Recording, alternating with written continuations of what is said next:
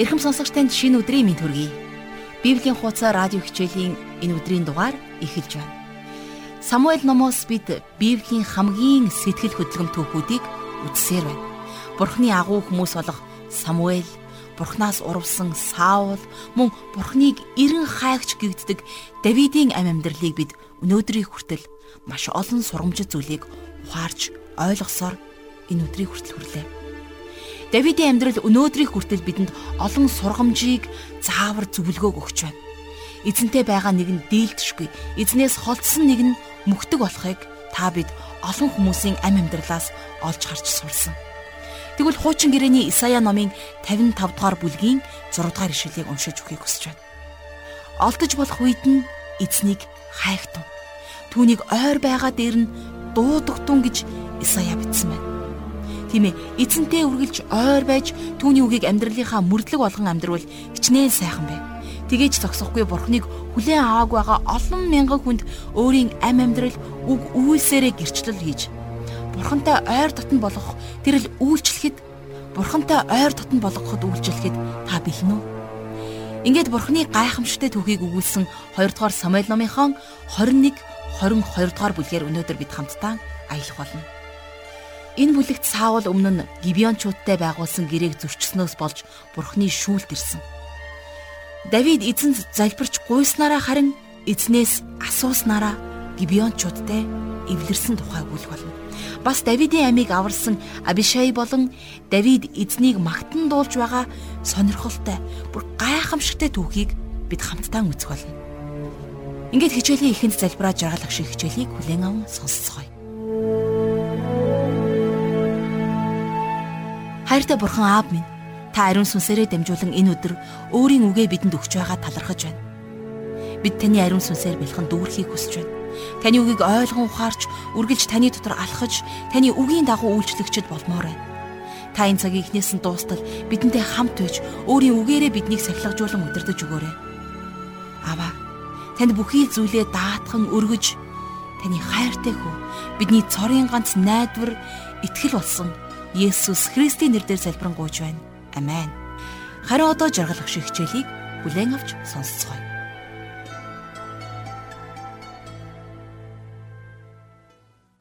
За бид өнөөдөр 2 дугаар Самуэль номын 21-р бүлгийг эхлэн үзэх гэж байна. Тэгэхээр Израилийн газар нутагт үлсгэлэн болж байгаагаар энэхүү бүлэг эхэлдэг юм. За ингээд хамгийн ихний ишлэлийг хамтдаа уншицгаая.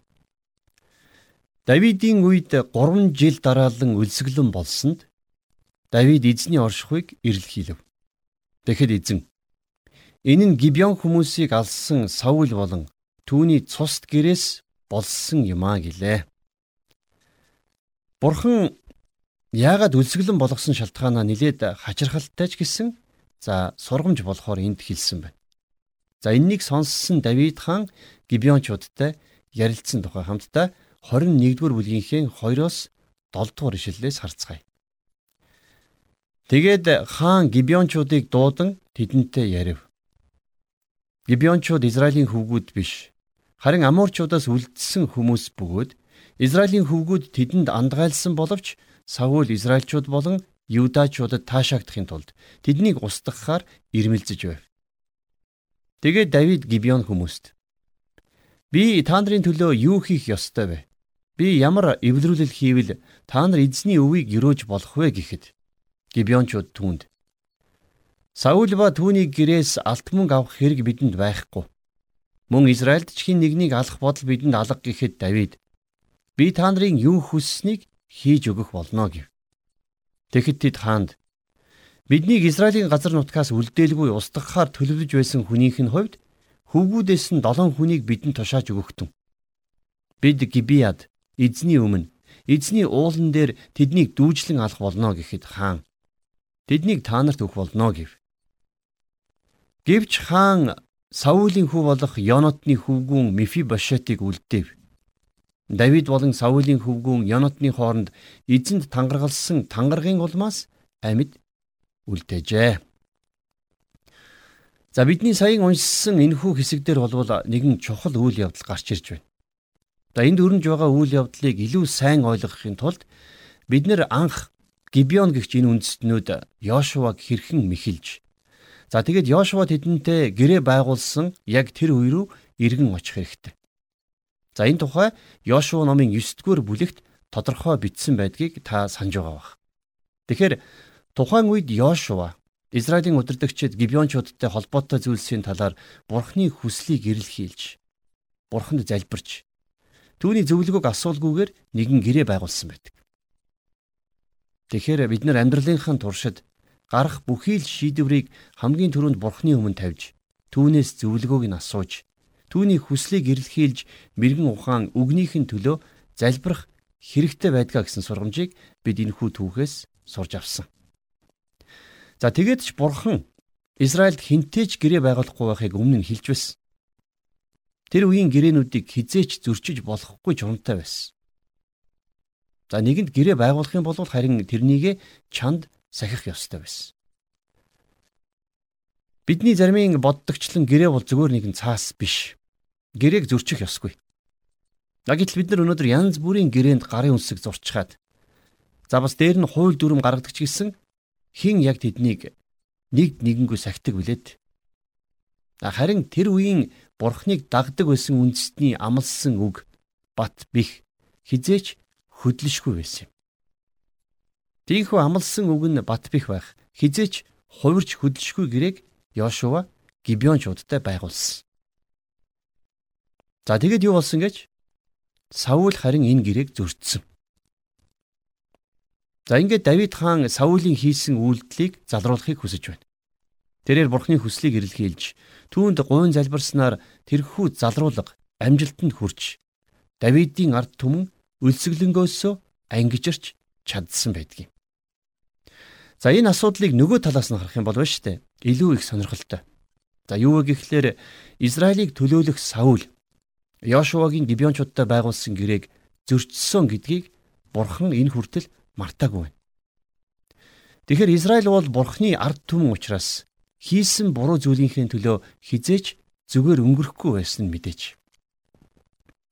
Тиймээс тэдний дээр 3 жилийн үлсгэлэн Бурханы зүгээс шийтгэл болон ирсэн нь энэ байсан. За орчин цагт болвол дэлхийн бөмбөрцөг дээрх аль нэгэн улс орныг бурхныг дагагч улс гэж хэлхийн аргагүй. А гэхдээ оргуу хоосноос орчлон ертөнцийг бүтээсэн хүмүүс биднийг бүтээсэн бурхан буруу хийсэн альва үндэстнийг ялгалгүй шүүдэгэ гэдгийг та бид нар мартах ёсгүй. За ямар улс үндэстэн байх нь хамаагүй. Тэд нар хийсэн үйлдэлийнхээ шийтгэлийг заавал амсдаг. Хуучин гэрэн дээр та санаж байгаа бох тийм ээ бурхан Египтийг шүүсэн. За мөн түнчлэн эртний алдар цуутай улс болох Вавилон, Ассир, Грек, Ромыг ч гэсэн бурхан шүүсэн. Хэрвээ бид бурханы хүслийн гадуур амьдрах юм бол бурхан бидний улс үндэснийг ч гэсэн бас л шүүхэл болно. Бүх дэлхий даяар хүмүүс бүгд амар тайван аз жаргалыг өнөөдөр эрен хайдагч гэсэн бидний дунд яагаад амар тайван байхгүй юм бэ? Улс гүрнүүд хоорондоо жижиг сажиг олон зүйлсээс болж зөрчил мөргөлдөөнүүд өнөөдөр ч гэсэн үргэлжлэн гарсаар л байна. Бие биесээ айлгах цөмийн зэвсэг хүртэл үйлдвэрлэж хизээ мүдгүйл өөрсдийнх нь эсрэг үг хэлсэн шөргөөцөлдсөн улс гүрнийг устгахад бэлэн тийм цаг үед бид нар амьдарч байна. Анчинд хөөгдөж яваа араатан амтэн шиг ухамсаргүйгээр өөрийгөө хамгаалах эсвэл хүчгүй нэгнээ барих аимшигт дүрм дэлхий дээр өнөөдөр үйлчилж байгаа шүү дээ. Энэ тухай Библиэлд ч гэсэн бас бичсэн бий. За тухайлах юм бол Исаи номын 57 дугаар бүлгийн 21 дугаар ишлэлдэр хилэнцтэнд амар амгалан байхгүй гэж миний бурхан айлдж байна гэсэн ишлэл байдаг. Тэгэхээр хүний зүрх сэтгэл гэм нүгэлтэд байгаа цагт хизээч энэ дэлхийн нийгэмдэр минь амар тайван ирэхгүй гэсэн үг. За бас бурхны шүүлтийн нэгэн шинж тэмдэг болвол улс үндэстэнд минь агуу удирдагчид үнэхээр дутагдж байгаагаар илэрч байдаг. За энийг гэрчлэх бас нэгэн ишлэлийг би энд иш татахыг хүсэж байна. За энэ бол Исаи номын 3 дугаар бүлгийн 12 дугаар ишлэл. За энэ дэр ингэж бичсэн байна. Ард түмэн минь ээ хүүхдүүд тэднийг дарлаж, эмэгтэйчүүд тэднийг захирдаг. Ард түмэн минь та нарыг дагуулагчид та нарыг төөрүүлж, замыг чинь бодлуулж байна гэж энд бичсэн байна. За тэгвэл энэ зүйл өнөөдөр ч гэсэн манай улсад жинхэнэ утгаараа биелэлээ олж байгаа гэдэгтээ та бүрэн санал нийлэх баг. За тийм л учраас 2 дугаар Самуэль номын яг энэ бүлэг буюу 21 дугаар бүлэг дээр Бурхны шүүлт байдгийм шүү гэдгийг та бидэнд ойлгуулж биднийг Бурхантай илүү ойр байхыг түүний хүслийг эрэлхийлэн амьдрахыг сануулж байдаг юм. Бурхны зөвлөгөөг дагсныхаа дараагаар Давид Гибеончуудад хүссэн зүйлийг нь өгснөөр нутгийнхаа төлөөх, ард түмнийхэн төлөөх залбирал нь Бурханд хүрсэн байна. За ингэсний дараагаар Давид Филистчүүдтэй олон удаа тулалдсан үйл явдал цааш энэ бүлэг дээр үргэлжлэн гардаг. За хамтдаа 2 дугаар Самуэль номынхон 21 дугаар бүлгийн 15 дугаар ишлэлээс дараах үйл явдлыг хамтдаа уншийе. Филистчүүд дахин Израильтай дайтав. Давид зарц нартайгаа хамт явж филистчүүдтэй тулалдах зуур Давид эцэж ядарсан байлаа. 300 шикел хүнд хүрэл жадтай. Шинхэн илд зүүсэн авраг бидний удмынхны Ишби Биноб гихч Давидыг алья химээжээ. Гэвч Зервагийн хөвгүн Абишай Давидэд туслан филистчүүдийг цохиж түүнийг алав. Тэр үед Давидын цэргүүд түүнд тангаргалан Израилийн гэрлийг унтраахгүй тулд та дахин бидэнтэй хамт тулалдаанд бүү гаргатун гэж хэлвэ. За Давид бол яахын аргагүй түүхэнд байсан хамгийн агуу хаан байсан юм. Энэ хүртэл хамтдаа явсан түүний хүмүүс Давидыг залгамжлах хүн одоо ч гэсэн байхгүй байна гэдгийг мэдэж байсан. Давид нас ахиж дайн тулаанд орохдоо урдийнх шигэ хүчтэй ирэмгий байха болсон байсан. Тэрээр маш амархан эцэн туйлдж амнасаа алдах ч эрсдэлд олонтой орхоор байж. За тийм учраас Израилийн удирдагчид хаана тулалдаанд орох наснаас өнгөрснийг нь мэдээд дахин дайнд явахгүй байхыг нь хүсдэг. Тэр тулаанд орж байснаас эсэм мэд байх нь улс оронд нь илүү хэрэгтэй гэдгийг албатууд нь хаанда хэлсэн байна. За цааш нь 18-аас 22 дугаар ишлэл. Үүний дараа Гобд филистчүүдтэй дахин тулаан болж хуш хүн Сибикай авраг биетний удмын Сафиг алав. Дахин филистчүүдтэй Гобд тулалдахад Битлехемийн хүн Яре Оригимийн хүү Илханан гид хүн Голиатыг алав. Голиатын жадны иш нь ихэмлчтний гогдогч мод мэд ажээ. Гатад дахин тулдаан болоход тэнд гар хөлн тус бүр 6 хуруутай буюу бүгд нийлээд 24 хуруутай авраг том ир байлаа. Тэр ч мөн авраг биднийх нь төржээ. Тэрээр Израилыг доромжилсон Давидын ах Шимээгийн хөвгүн Йонот нь түүнийг цохиж аллаа. Гатад авраг биднүүдийн төрсэн эдгээр дөрвөн хүн Давид болон түүний зарц нарын гарт алагдваа. За тэгэхээр Гатын авраг биетэн гэсэн байгаа үз. За энэ бол Голиатыг хэлж байгаа. Тэгэхээр Давид анх Голиаттай тулалдахдаа голноос 5 мүлгэр чулуу авч байсныг та санаж байна уу? Тэгэхээр зарим хүмүүс Давидыг аврах биетэнтэй тулахдаа эхнийхээ чулуугаар онохгүй байж магадгүй гэж бодоод 5 чулуу авсан гэж боддог. А гэхдээ бид сая тодорхой уншлаа. Голиат дөрвөн хүүтэй байсан. Тэд нэр Филистийн айрмын цэргүүд байсан. За тэгээд Давид Голиатыг дийлэх үед дөрвөн хүүн гарч ирж магадгүй гэдгийг Давид мэдэж байсан байна. Давид тухайн үед тэдэнтэй тулгараагүй өнгөрсөн боловч тэд нар өшөөг авахыг хүссээр байсан. Хэрвээ энэ тулалдаанд Абиша ирж Давидэд туслаагүй байсан бол Голиатын нэг хүү Ишби Биноб Давидаас өшөөгөө аван тэрнийг алах байсан юм. А гэхдээ Давид залуухан хүү байхдаа Голиаттай тулалдахдаа түүний дөрвөн хүүг бас цохох чулуугаач тооцсон байгаа биз? Тэр дүүгүүрээр харвахтаа маш гярхай мэрэгэн ундаг байсан. За магадгүй тэр дүүгүүрээр сайн харвдаг болохын тулд өдөрт хідэн цагаар дадлага хийдэг байсан ч үж магадгүй. За тэр баг хэрэмч орж чадахгүй модны нүхийг чулуугаар онож чаддаг дайчин эрэлхийг мэрэгэн нэгэн байсан.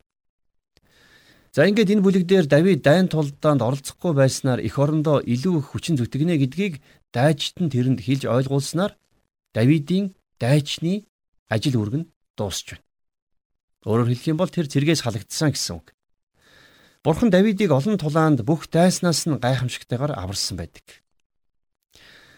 За харин одоо дараачийн бүлэг буюу 2 дугаар Самуэль номын 22 дугаар бүлэг дээр Бурхан Давидыг дайснуудаас нь чөлөөсний дараагаар тэр Бурханыг магтан дуулж байгаа тэрхүү магтаал дуу бичигдсэн байдаг. За энд гарч байгаа магтан дуу бол дууллын 18 дугаар бүлэг дээр гардаг дуулалтай яг адилхан юм.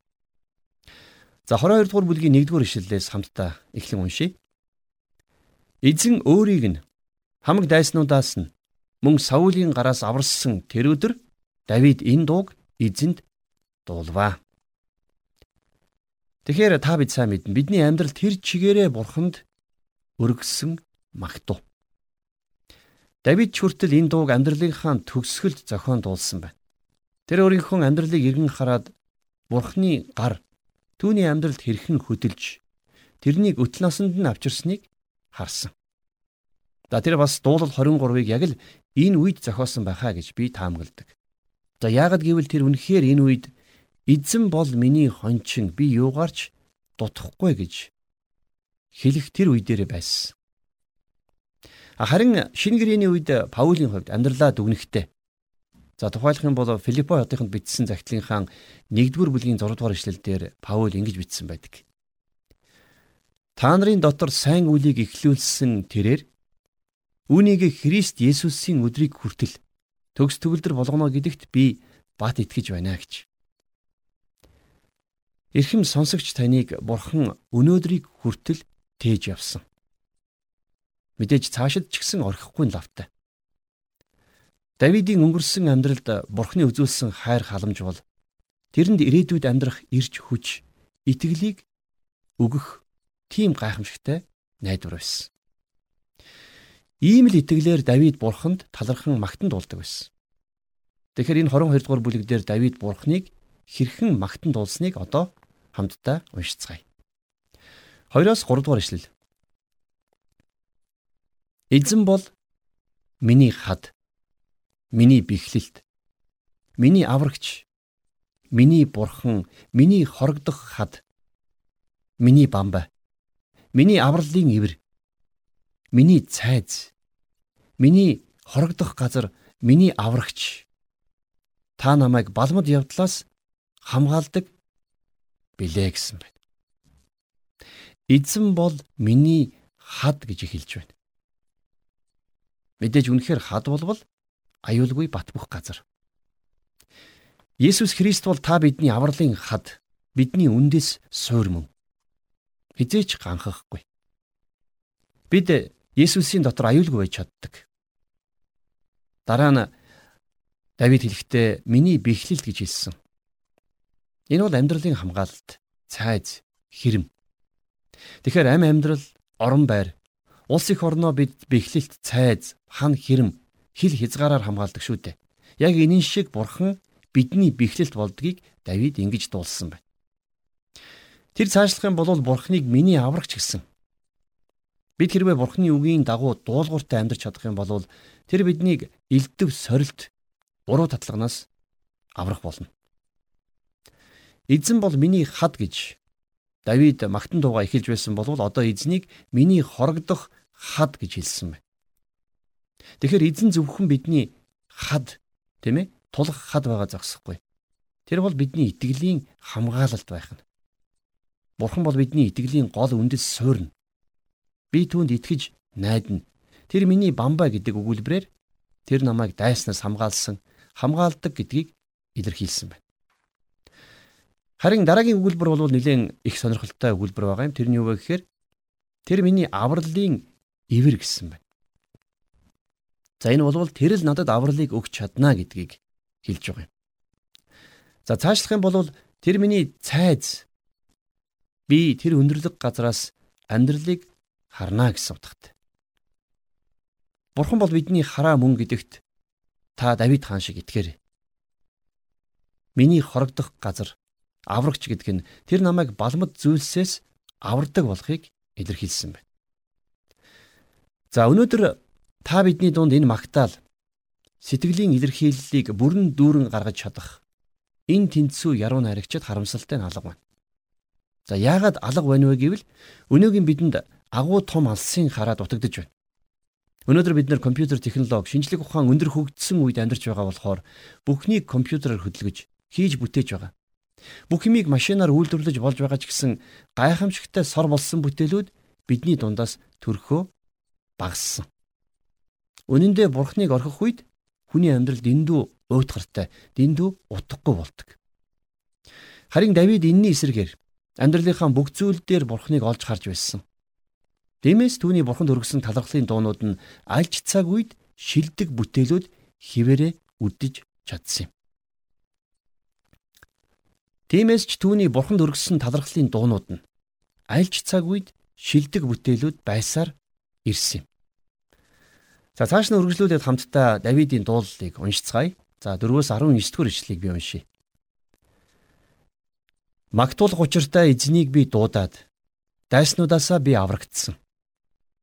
Үхлийн давлгаа намайг хүрээлж, мөхлийн урсгал намайг дайрч, үхгсдийн орны уяа намайг хэрж, үхлийн урхнууд миний өмнө толгархад зовлон шандал дотроо эзнийг би дуудаж, бурхандаа би хашгирсан. Тэрээр сүмээсээ дуу хоолойг минь сонсож, түүний сонорт хашгираа минь очисон билээ. Түүнийг хилгэнэхэд газар хөдлөв. Тэнгэрийн суурьч дөргив. Хамраас нутаа суунаглаж, амнаас нь цөлмөгч гал гарч, цогшсон нүүрс асан дүрлзэж байв. Тэнгэрсийг бүх хийлгэж, түнэр харанхуйг хөлдөө дэвссээр тэр бууж ирэв. Хэрүүв хөлөглөн, салхин жигүүрээр дүүлэн нисэв. Ус хураасан өтгөн үйлсийг өөрийгөө тойруулсан харанхуйн бүрхүүл болов. Түүний өмнөх гялбаанаас нүүрс асан шатав. Эзэн Тэнгэрээс аянга цахилуулан хамгийн дээд нэг нь дууга хөнгөнүүлв. Тэрээр сум тавьж тэднийг бутрааж аянга гялбуулж тэднийг бот нэргсэн. Эзний зэмлэлт хийгээд хамрынх нь амьсгалын хүчит цохилтоор далайн ёроол үзэгдэж ертөнцийн суурьуд ил гарав. Тэр дээрээс сунгон намайг авч их уснаас татан гаргав. Тэр намайг хүчит дайснаас минь намайг үзэн ядагч таас минь аврав. Учир нь тэд миний хувьд үлэмж хүчтэй байсан. Тэд миний зовлонд өдөр надтай тулгарсан.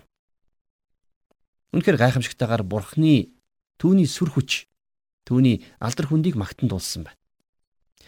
Хүн төрлөختний түүхэнд хамгийн агуу хаанаар дурсагдан үлдсэн Давид хаан Бурханд чин сэтгэлээсээ итгэмжтэй. Бурханд үйлчлэх зөрсгөлтэй дуулууртай нэгэн байсан юм. Энэ тухайга тэрээр бурханд хандан цааш нь хэлэхдээ за 22 дугаар бүлгийн 36 дугаар ишлэлээс хамтдаа харъя. Та авралынхаа бамбайг надад өгсөн билээ. Таны тусламж намайг агуу болгосон билээ гэж бичсэн байна. Тэгэхээр Давид хизээч өөрийнхөө хүч чадлаар хаан болоогүй гэдгээ хүлээн зөвшөөрч байна. Давид амьдралдаа хатуу хөтүү маш олон зүйлсийг үзэж амсаж дэндүү их зовлон бэрхшээл дундуур тооцсон. Тэр бас зан чанарын хувьд түргэн ууртай хүн байсан. А гівч бурхан зөөлөн дүлгөн Түүний бурхныг хайрлсан хайр нь зөөлрүүлж чадсан. Давидыг бурхны хайр инэрэнгүү болгосон гэсэн үг. Тэгэхээр та бид нар бурхантай заавал дотн нөхөрлөх хэрэгтэй. Бурхнаар өлсөн цангаж дутаж байгаа өнөөгийн нийгэмд Түүнтэй илүү ойр дотн нөхөрлөх нь та бидний хувьд үнэхээр чухал. Дээрх Давидын магтуу дуу бол үнэхээр агуу дуу байсан.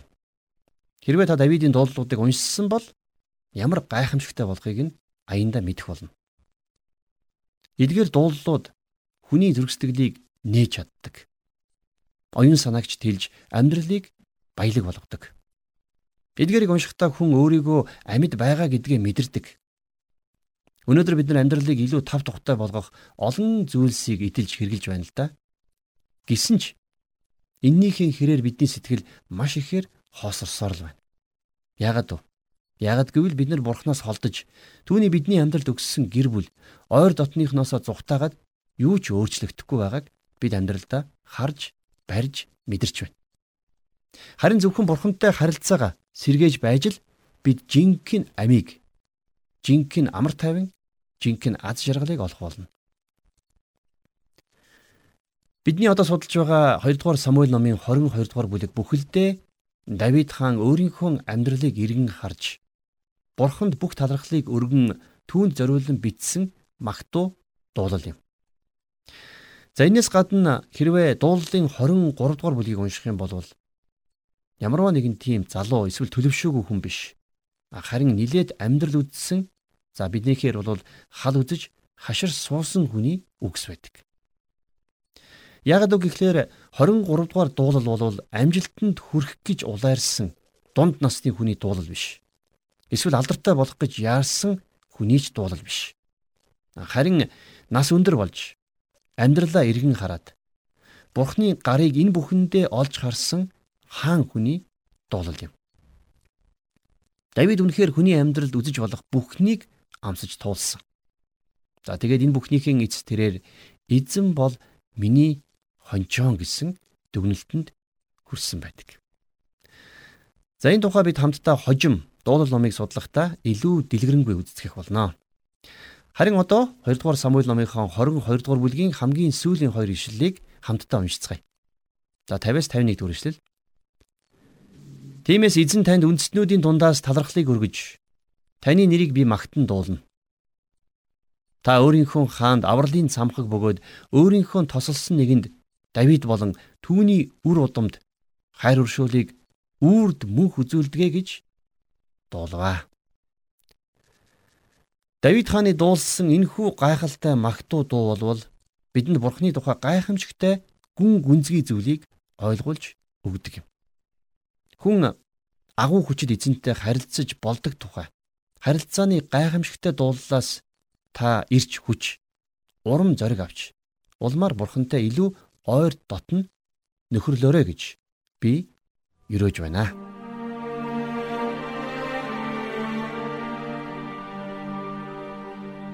Тэгэхээр та энэ бүлгийг яг одоо Библийн нэгэд эхнээс нь дуустал заавал уншаад үзээрэй.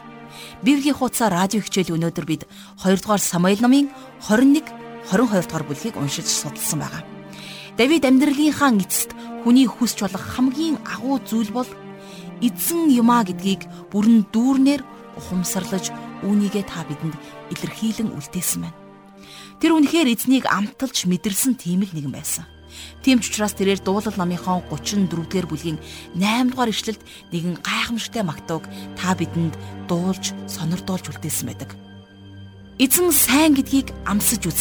Түүний дотор хорогддог хүн юутай ерөөлтэй вэ гэж Давид хэлсэн байна. Үүн шиг өнөөдөр ч гэсэн та бид эзнийг харж түүнээс амтлаад үзвэл ямар вэ? Учир нь Давид хэлсэн байна. Эзэн сайн гэдгийг амсаж үзье гэж. Давид төгс төгөлдөр нэгэн байгаагүй ч гэсэн тэрээр эзнийг амталж эзэнтэй ариун сүнсний нөхөрлөл дотор байсан учраас цаан чанар сүнсний хувьд төлөвшөж эергээр хүмүүжсэн нэгэн. Тэрээр эзнэр удирдуулдаг бүх зүрх сэтгэл, бүх итгэл найдвараа бурханд тавьдаг нэгэн байсан нь түүний зохион дуулсан олон гайхамшигтай магтуу дууллаас нь бид харж байна. Давид эзэнтэй хар баг наснаасаа нөхөрлөж ойр дотн харилцаатай байсан учраас бурхнаар хайрлагдсан нэгэн байсан. Өнөөдөр ч гэсэн та Давидын энэхүү гайхамшигтай дууллуудыг бурханд хандан дуулж түүнд талархаж болно бас бүхий л ам амьдралаа итгэл найдвараа зориг зүрхээ бурхан дүргэж түүний үгийн дагуу дуулууртай зөвхт амьдрахад үлдсэн он жилүүдэд зориулахад хизээч оройтойгүй шүү гэсэн урам зоригоор таныг бид хорцолохыг хүсэж байна. Энд хүрээд өнөөдрийн Библийн хуудас радио хичээл маань өндөрлөж байна. Дахин сануулж хэлэхэд бид өнөөдөр 2 дугаар Самуэль номын 21 22 дугаар бүлгийг хамтдаа уншиж судалсан байгаа. Хичээлийн төгсгөл Давидын дуулсан дуулал номын 34-р бүлгийн 8-р ишлэлийг дахиж уншиж сонирдуулаад өнөөдрийн хичээлээ өндөрлөж байна. Эзэн бол сайн гэдгийг амсаж үз. Түүний дотор хорогддог хүн юутай ерөөлтэй вэ? Амен. Хамтдаа эзэнд хандан залбирцгаая. Хайртай бурхан аав минь таньда талархаж байна. Бидний зүрх сэтгэлд өөрийн үгийг сийлэн үлдээх энэ цаг мөчийг өгсөнд таньда үнэхээр талархаж байна. Танаас илүү агуу нэгэн үгүй юм аа. Эзэн минь бид дуулахдаа их эзэн минь тантай зөвлөх хэн байгаа юм бэ? бидэнд хинч байхгүй. Цаг мөч өнгөрөх тусам бид үүнийг зүрх сэтгэлээрээ бид ам амьдралаараа бид оюун бодлороо сүнсээрээ таньж мэддэг. Эзэн минь ээ тантай зүрлэх хинч байхгүй гэж хэлдэг. Харин эзэн минь яг энэ цаг мөчид бид ам амьдрал дээрээ тунхаглаж байна. Үнэхээр тантай зүрлэх хинч үгүй гэж тунхаглаж байна. Бид ам амьдрал дээрээ бид сүнслэг талбарууд дээрээ энэ зүйлийг тунхаглаж байна. Тиймээс их эзэн минь ээ таны сайн гэдгийг бид амсаж үсхийг хүсэж байна. Таны төр хорогддог нэгэн та юрүүлтэй маа гэж юрөөсөн байдаг. Эзэн бид ам амьдрал, оюун бодол, зүрх сэтгэл, сүнс санаа бодлороо бид таныг сайн гэдгийг амсаж үзэж мэдэрмээр байна. Эзэн та бүхий л төвшөнд ярьж хэлж Та ариун сүнсийн нөхөрлөөрөө бидэнтэй хамт байгаарай. Бүхий л зүйлсийг таньдаа өргөж, Есүс Христийн нэрээр залбирanгуйж байна. Амен.